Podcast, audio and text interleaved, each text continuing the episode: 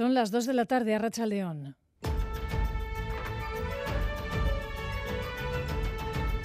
Crónica de Euskadi con Aichiber Bilbao.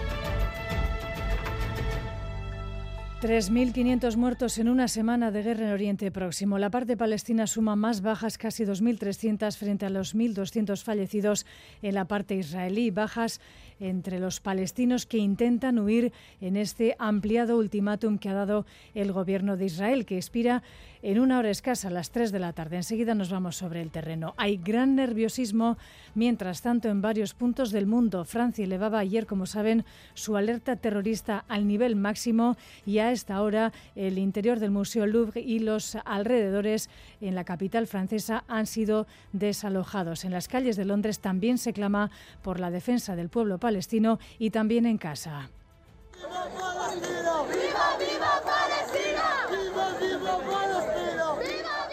Son los gritos de cientos de manifestantes congregados hoy en el centro de la capital navarra, en Iruña. Mientras tanto, la, comunidad internacional extrema los esfuerzos. El rey de Jordania va a emprender una gira por Europa. El secretario de Estado norteamericano Anthony Blinken asegura también que están haciendo el máximo esfuerzo para proteger a las eh, personas eh, civiles y atención a las palabras del jefe de la diplomacia europea, Josep Borrell, poniéndole las cosas claras a su, en teoría, jefa, la presidenta de la Comisión, Ursula von der Leyen, tras su cierre de filas con Israel.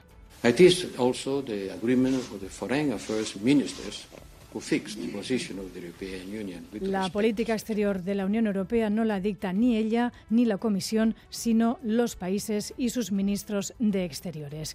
De la actualidad internacional también nos detenemos hoy en Australia, Xavi Segovia, porque los ciudadanos del país en referéndum han cerrado la puerta a que los nativos aborígenes puedan ser escuchados por el gobierno del país y también poder, por el poder legislativo. Cuéntanos. Sí, escucha, eh, sí, he escuchado algo más del 68% se afianza el no a dar más voz a los aborígenes en los asuntos que les competen. El 60% vota no y el 40% vota sí. Así lo han decidido los australianos en este referéndum cuyos resultados se siguen escrutando, pero donde el rechazo está siendo mayoritario en todos los estados. Supone un revés al gobierno de Canberra que había apostado por dar más espacio a los pueblos aborígenes. El primer ministro habla ya de una noche difícil para los indígenas y decepción por un resultado que no esperaba.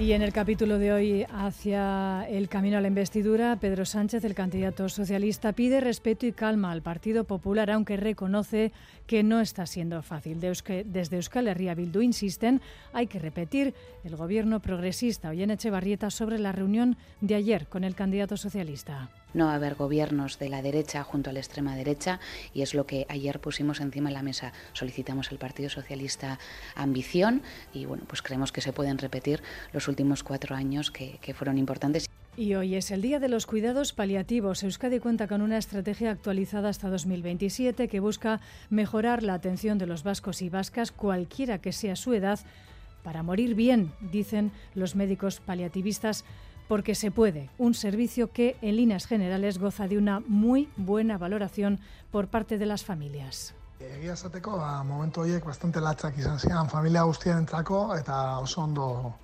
atendituak sentitu ginen, babestuak, hango langile guztien gandi. Acaban siendo parte de nuestra vida durante muchos largos meses o incluso años, siempre dispuestas a ayudar Actualidad deportiva en titulares, John Zubieta, Rachaldeón. Hola, Rachaldeón. Empezamos hablando de la Iro a un día que se ha celebrado durante la madrugada y la mañana de hoy. En categoría masculina, el triunfo ha correspondido a Julen Martínez de Estíbaliz y en la femenina estamos a la espera de la primera corredora.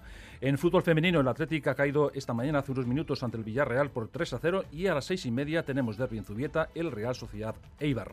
En baloncesto, el Bilbao Basket busca esta tarde en Miribilla su cuarto triunfo a consta de un Granada que sigue sin conocer el triunfo. Además, a las el IDK Euskotren recibe al Barcelona y el Onte Guernica tiene cita madrileña ante el Estudiantes. A las 7 el Araski juega como local ante el Zaragoza. Hablamos también de pelota porque Amezqueta acogió un gran duelo entre Altuna y Artola dentro del campeonato del 4 y medio, saldado a favor del primero por 22-15. Por cierto, Altuna suspende el partido de parejas de mañana en Lecumberri por una sobrecarga en un hombro. Esta tarde en Bilbao se miden el Ordi Peña dentro del 4 y medio. Y en golf, John Ram no tuvo ayer su mejor día en el Open de España y se quedó a 8 golpes del líder, el francés Pavón, el labortano Lorenzo Vera terminó a solo dos golpes y Otaegui a seis. Se está disputando la tercera jornada y las noticias no son muy alentadoras para los representantes vascos. Eso sí, Lorenzo Vera es tercero, Otaegui y Ram están en la posición 35. Gracias, John. Detalles eh, posteriores en tiempo de deportes en Radio Euskadi. Buscamos ahora en Euskalmet el pronóstico del tiempo para estas próximas horas. Nayera Barredo, Arracha León. A Rachaldeón, durante la mañana la lluvia ha afectado sobre todo a la costa de Vizcaya. En las próximas horas el viento se fijará de componente norte y los chubascos podrían entrar a más zonas situadas hacia el interior. Por lo tanto, por la tarde se pueden producir algunos chubascos y las temperaturas se quedarán en el entorno de los 20 grados.